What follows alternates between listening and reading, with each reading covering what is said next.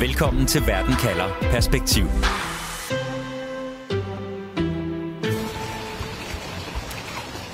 Det her, det er lyden af en brændende koran uden for den tyrkiske ambassade i Stockholm.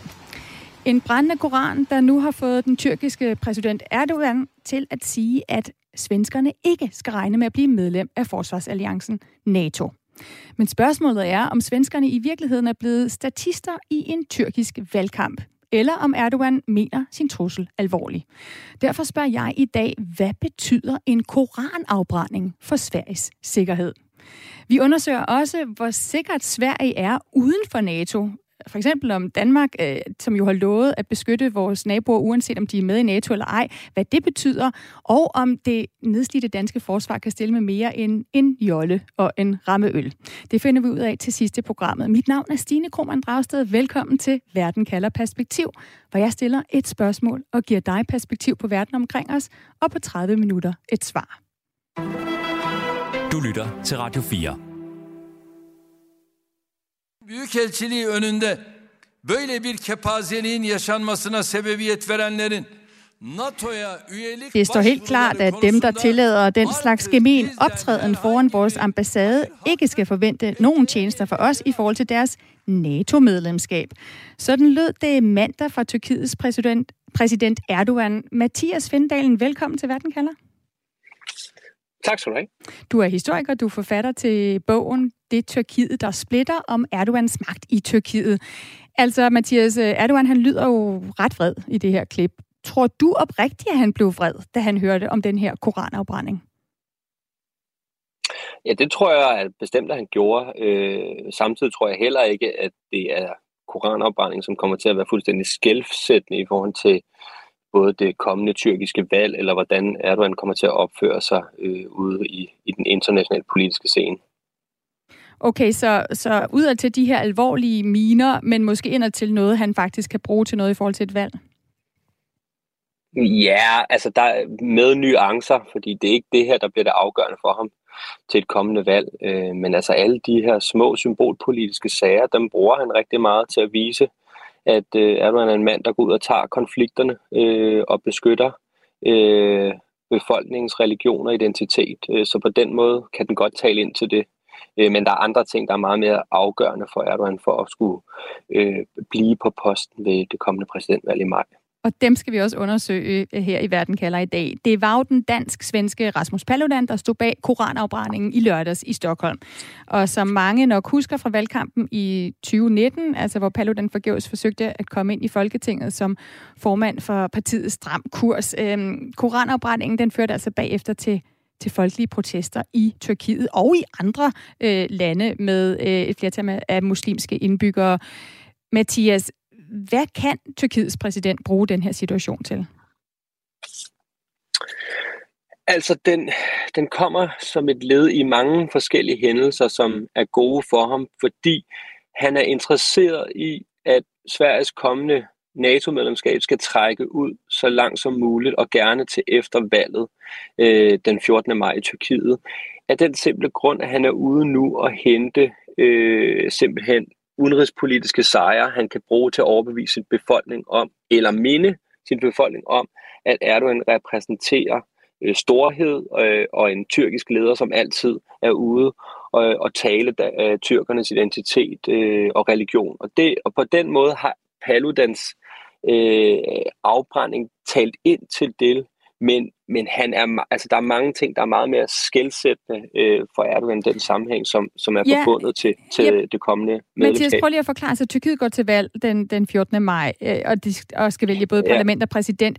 Er han da bange for at tabe præsidentposten, siden han ja, ja. melder sig hårdt ud mod Sverige her? Ja, det er han.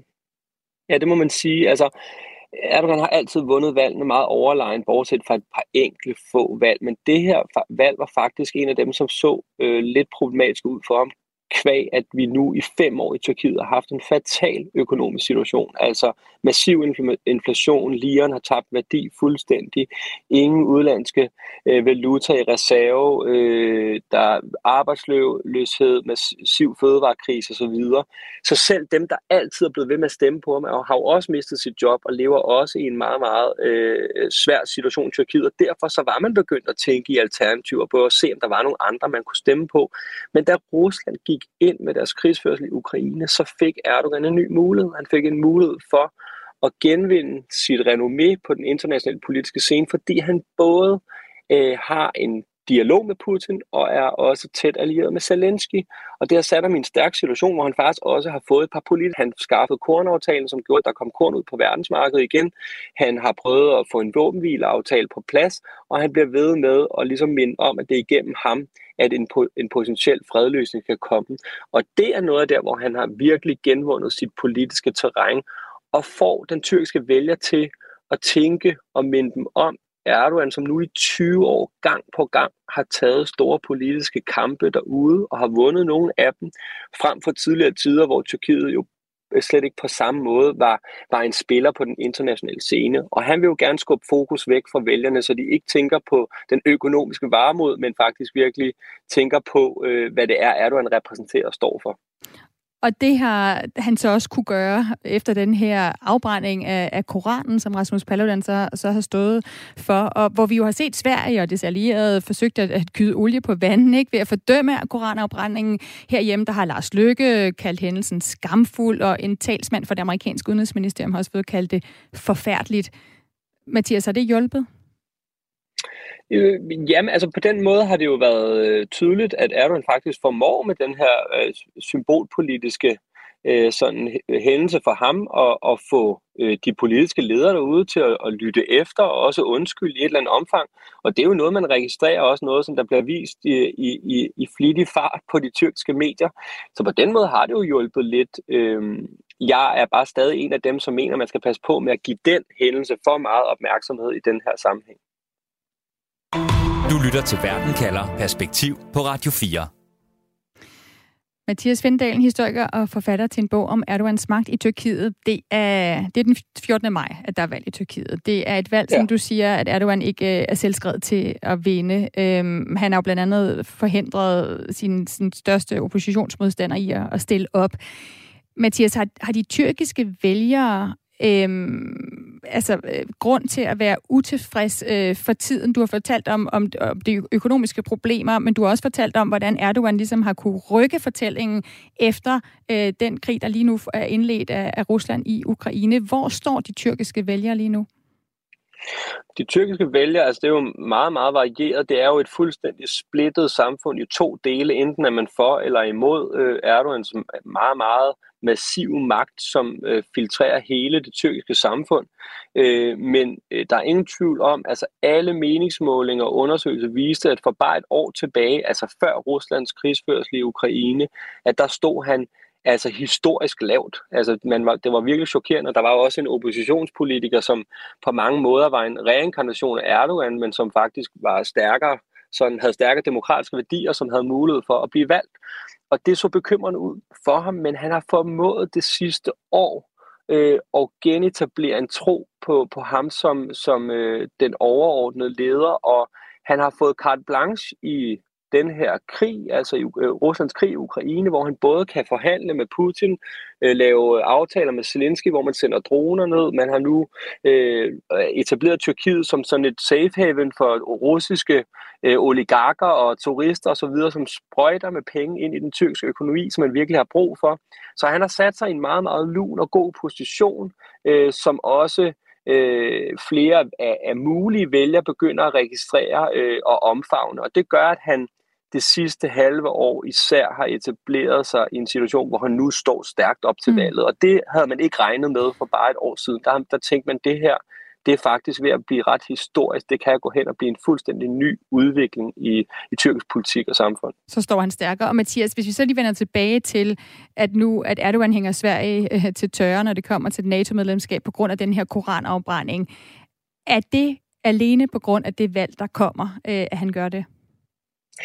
Det betyder rigtig, rigtig meget, det valg. Altså, det er også derfor, øh, jeg også mener, at altså, der er ingen tvivl om, at der, der kommer til at være et Sverige, medlemskab af NATO øh, på et eller andet tidspunkt. Erdogan er slet ikke interesseret i at trække det her ud i flere år. Det får han ikke noget ud af. Han er også afhængig af en stærk relation i NATO. Han er afhængig af stærke relationer til EU på, det, på, på økonomien. Så øh, han bruger det de næste fire måneder. Han har, han har følt, at han ikke har fået nok ud af den aftale, man lavede i sommer mellem NATO, Tyrkiet og Sverige i forhold til at indlemme Sverige i, i NATO. Øh, og han er i gang med at prøve at hente flere resultater ind på, mm. på, den, øh, på den kant. Øh, ja. Jeg fik mig en snak med Emir Dijimanji, som er sociolog. Han er født og opvokset i Danmark, men han har også tyrkisk statsborgerskab, og han overvejer at stemme til det kommende valg i Tyrkiet. Og Emir, han er glad for Erdogans udtalelse om, at Sverige ikke skal forvente hjælp med deres NATO-medlemskab, efter at Rasmus Paludan i weekenden brændte en koran af i Stockholm. Emir, hvorfor er det vigtigt for dig som vælger, at Erdogan går ud og siger det her? Øh, altså det, som øh, mm, ham, øh, du omtaler, øh, gik ud og gjorde med den tåbelige gerning, det er, at han krænkede over 2 milliarder menneskers øh, følelser, og øh, øh, præsident Erdogan er en af de to milliarder. Det er uundgåeligt, at der ville være den reaktion, fordi i det øjeblik, man kalder sig selv øh, bare for øh, lidt muslim og øh, derfor kan lide Koranen, så vil man føle sig krænket. Den tåbelige gerning vil svare til, at en eller anden øh, åndsamøbe vil tage Dannebro foran Amalienborg, mens øh, dronning øh, Margrethe øh, står og kigger, og så brænde det foran hende. Men lad mig lige spørge dig, Emir det er jo ikke Sverige, der har brændt den her koran af. Det er Nej. en mand, der på ingen måde repræsenterer hverken Danmark eller Sverige eller andre i NATO. Lige præcis. Hvorfor skal den her hændelse så gå ud over Sverige? Øh, jamen, øh, når man tillader det forekom på den måde, når man tillader, at han for skatteborgernes, dine og mine og andres penge, render rundt og laver tåbeligheder, der sætter EU's sikkerhed på spil, Sveriges sikkerhed på spil, så tillader man jo også, at der kommer en reaktion. Så hvorfor er det egentlig, man i Sverige, det er jo tåbeligt, at den regering tillader, at Sveriges sikkerhedsinteresser og noget så stort som NATO-interesser bliver sat på spil. Så for dig handler det ikke bare om det, Paludan har gjort med koranopbrændingen. Det handler også om, at Sverige skal have videre, at det ikke var okay, de tillod Paludan at gøre det. Men synes du også, Emir, at Sverige skal udelukkes fra NATO på grund af den her koranopbrænding?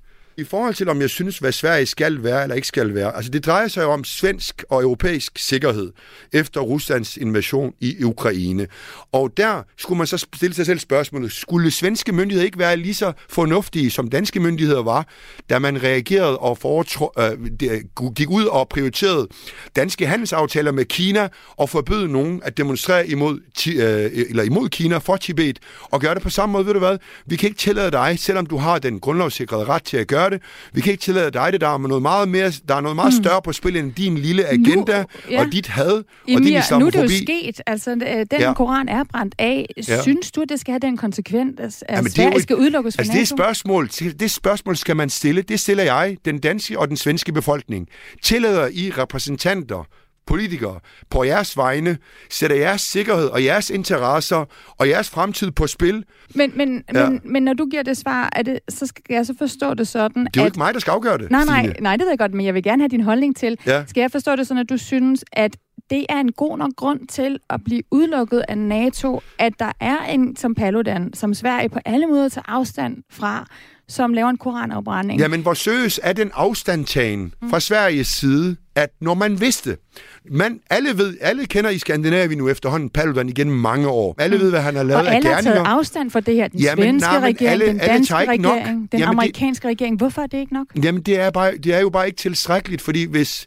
Altså, det er desværre sådan, at dem, der råber højst i det her samfund, sådan er det overalt. Dem, der råber højst, og dem, der råber tydeligst, og dem, der gør de ugerninger, som han gør, det dem, der bliver hørt. Og derfor burde flere danskere og svenskere gå ud og sige, ved hvad, vi øh, føler os ikke repræsenteret af den her mand. Jeg kender mange også øh, fra min omgangskreds øh, med, med, med dansk øh, baggrund, som øh, føler, det beskæmmende og det er skamfuldt mm. at være en del af Rasmus Paludans landsmænd, øh, om jeg så må sige. Så, men, men svenske myndigheder burde gå ud og sige, det her, det skal du ikke have lov til. Man kan sige, at i Danmark, der trækker vi jo nærmest, altså derfor er det jo nærmest ikke nogen opmærksomhed mere, når han laver det her stunt, fordi vi nemlig godt ved, det, det er et stunt. Og mange mener jo også, at Erdogan ser det som en kærkom mulighed, Nej, det Paludan har gjort for at vinde stemmer for at få valget. Mener du, Emir, at Erdogan prøver at udnytte ikke. den her situation? Nej, fordi, fordi uh, i Tyrkiet, der har Erdogan et 20-årigt CV bag sig. Manden har vundet valg efter valg igennem 10 af år på baggrund af, at han siger, jeg stoler på mit folk, og hvis mit folk vælger mig, så bliver jeg præsident. Han er demokratisk valgt.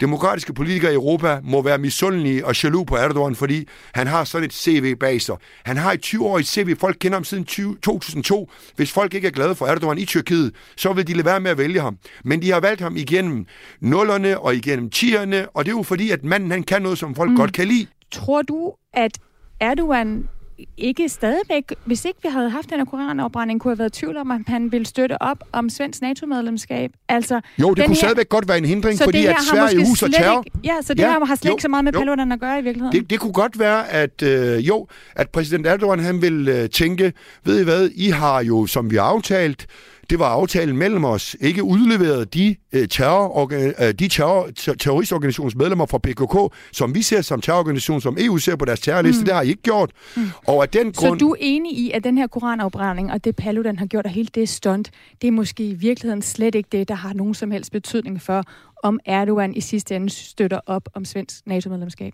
Det er meget muligt, ja. Det er et scenarie. Ja, det er jeg enig i. Mm. Sådan siger altså Emir Dejimanji, som er øh, en, altså, tyrkisk, har tyrkisk statsborgerskab, øh, er, er født og opvokset i Danmark, men, men kan stemme til det kommende valg i, i Tyrkiet, og som altså synes, det er vigtigt øh, med den reaktion, der er kommet fra Erdogan. Øh, Mathias Findalen, historiker og Tyrkiet-ekspert, du har lyttet med her. Nu talte vi du, lige inden, at vi hørte fra Emir om, om, at der selvfølgelig er mange forskellige reaktioner, også blandt øh, tyrkere øh, og, og tyrkiske vælgere. Tror du, at Erdogan ender med at vinde valget? Øh, altså det, det, det, ja, det, det, det ser sådan ud lige nu. Det gør det også, fordi han har fået lukket ned for den oppositionspolitiker, som faktisk var den potentielle udfordrer, som muligvis ville kunne slå ham. Øh, så, så, så ja, det, det tegner lovene for ham øh, modsat for, for et års tid siden. Radio 4 taler med Danmark.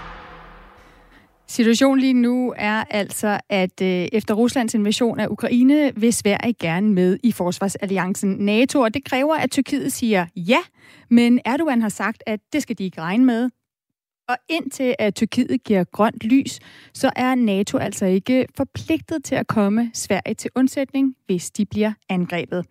Men så er det jo heldigt, at der er nogle lande, der har meldt ud, at øh, de vil faktisk hjælpe med at forsvare Sverige selvom øh, de ikke er blevet medlemmer af NATO endnu, her i blandt Danmark. Lad os lige høre et klip med statsminister Mette Frederiksen fra maj måned sidste år.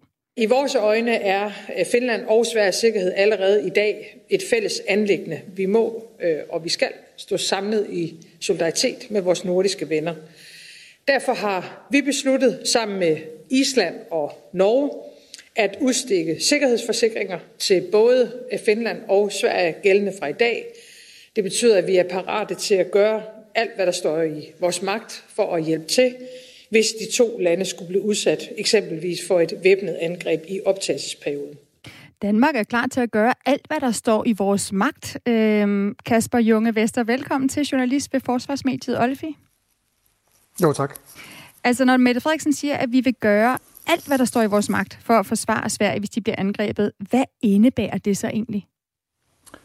Jamen, I den her sammenhæng, der indebærer det jo, at det i yderste konsekvens også er militærstøtte. Altså danske soldater og dansk materiel øh, i og omkring øh, svensk territorium. Det er jo sådan, hvad skal man sige, den yderste konsekvens af sådan en garanti. Og hvad er det så, øh, hvis Danmark øh, altså vil give den støtte? Hvad er, hvad er det konkret, Danmark kan stille med i det mest optimistiske scenarie? Jamen det er jo det, altså lige nu, der, der må man bare erkende, at det er ikke særlig meget. Altså ser man på hæren, så har vi øh, en masse soldater udsendt til Baltikum. Øh, der er trukket store veksler på hæren. Øh, vi har lige øh, doneret alt vores artilleri. Nu er der sådan noget nyt på vej. Øh, men, men vi mangler soldater, vi mangler materiel øh, i hæren til at kunne stille noget. Så kunne man måske forestille sig, at man kunne stille nogle øh, F-16 fly måske til noget patruljering. Øhm, man kunne forestille sig måske et søværnsbidrag, men i virkeligheden så er det ret begrænset, øh, hvad Danmark har overskud til at, at stille soldater i andre lande lige nu. Mm. Så eventuelt en frigat øh, F-16-fly Kasper, kan det gøre en forskel Måske, over for ja. russerne? Altså, det kommer jo også an på, hvornår det her det sker. Ikke? Mm. Altså, lige nu her er, er forsvaret hårdt presset.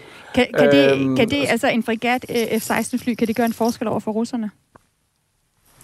Ej, ikke alene. Altså, man må så også gå ud fra, at der er andre lande, der stiller her. Nu bliver øh, Norge og Island nævnt, og USA har jo også givet tilsavn om, at, at man vil beskytte Sverige under den her optagelsesproces. Danmark alene vi, vi ikke kunne stille særlig meget op, men det er klart, at Danmark er vant til at indgå i nogle NATO-samarbejder og vil i samarbejde med andre landes styrker, herunder de svenske selvfølgelig, mm. kunne, kunne udrette noget, men ikke på egen hånd.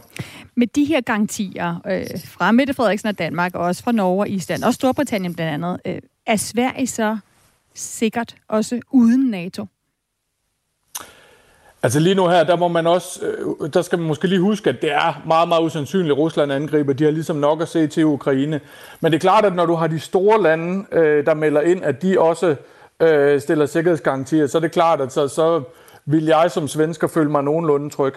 Jeg tror ikke, der er mange, der går og frygter et, et, et fuld militært angreb på Sverige, som tingene ser ud lige nu. Det har Rusland ikke øh, kapaciteten til, og, og øh, der er altså rigeligt med lande, som, som trods alt og uden artikel 5 i NATO vil komme, komme svært til hjælp.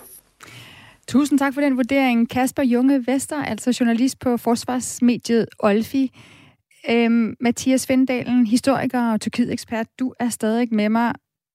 Kommer Erdogan til for evigt at modsætte sig, at Sverige kommer med i NATO?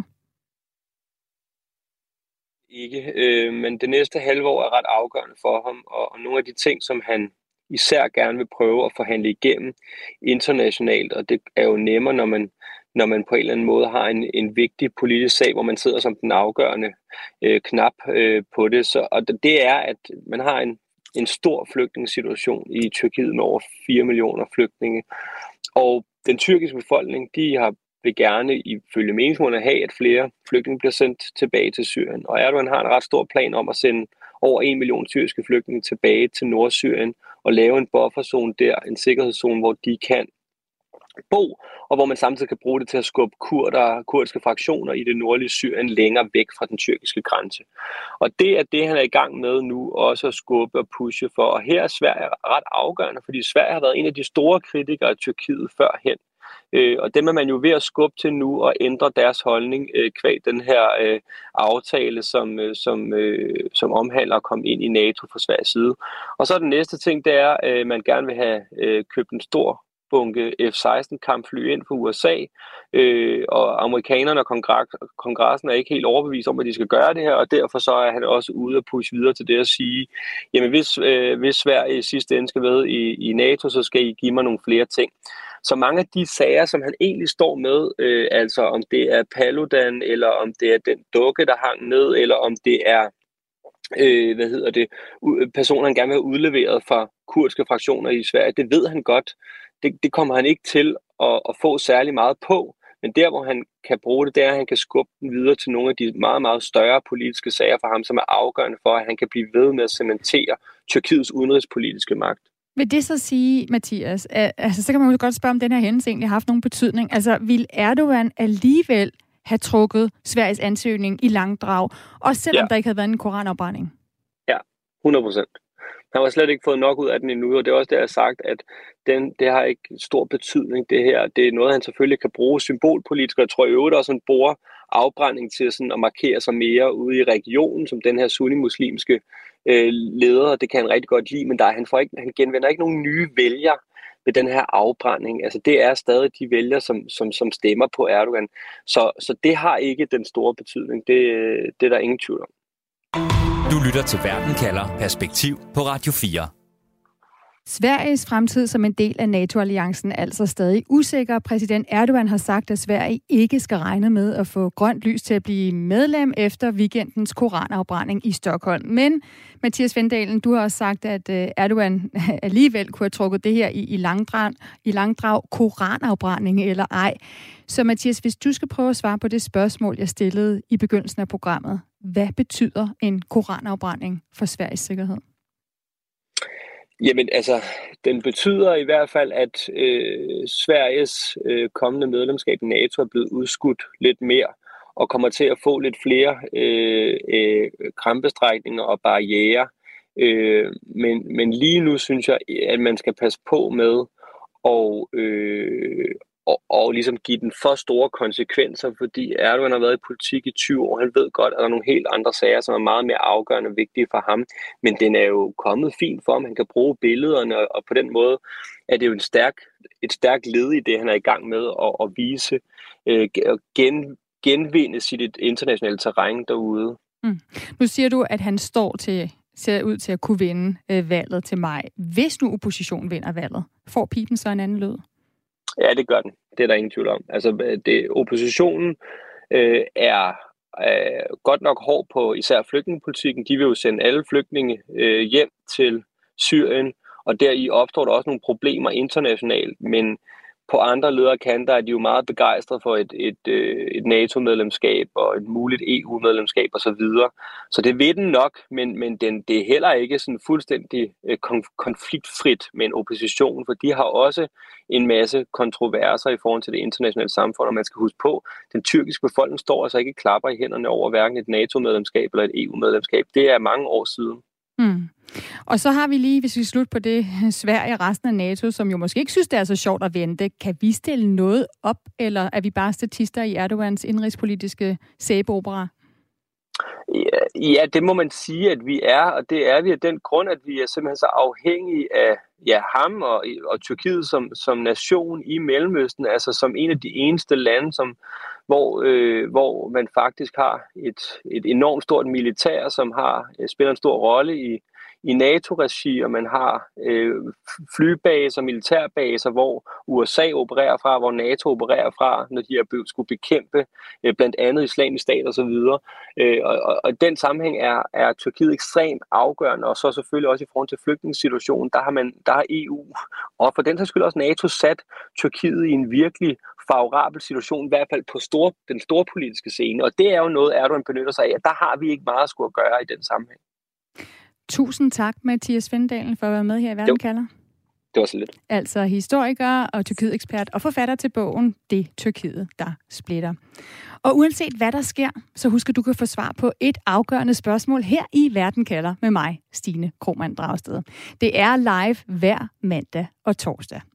Først en øh, halv time om en aktuel sag i Verden kalder, og så en halv times Verden kalder perspektiv, hvor vi altså sætter et afgørende spørgsmål om verden ind i en større sammenhæng og giver dig svar. Husk at abonnere på Verden kalder som podcast.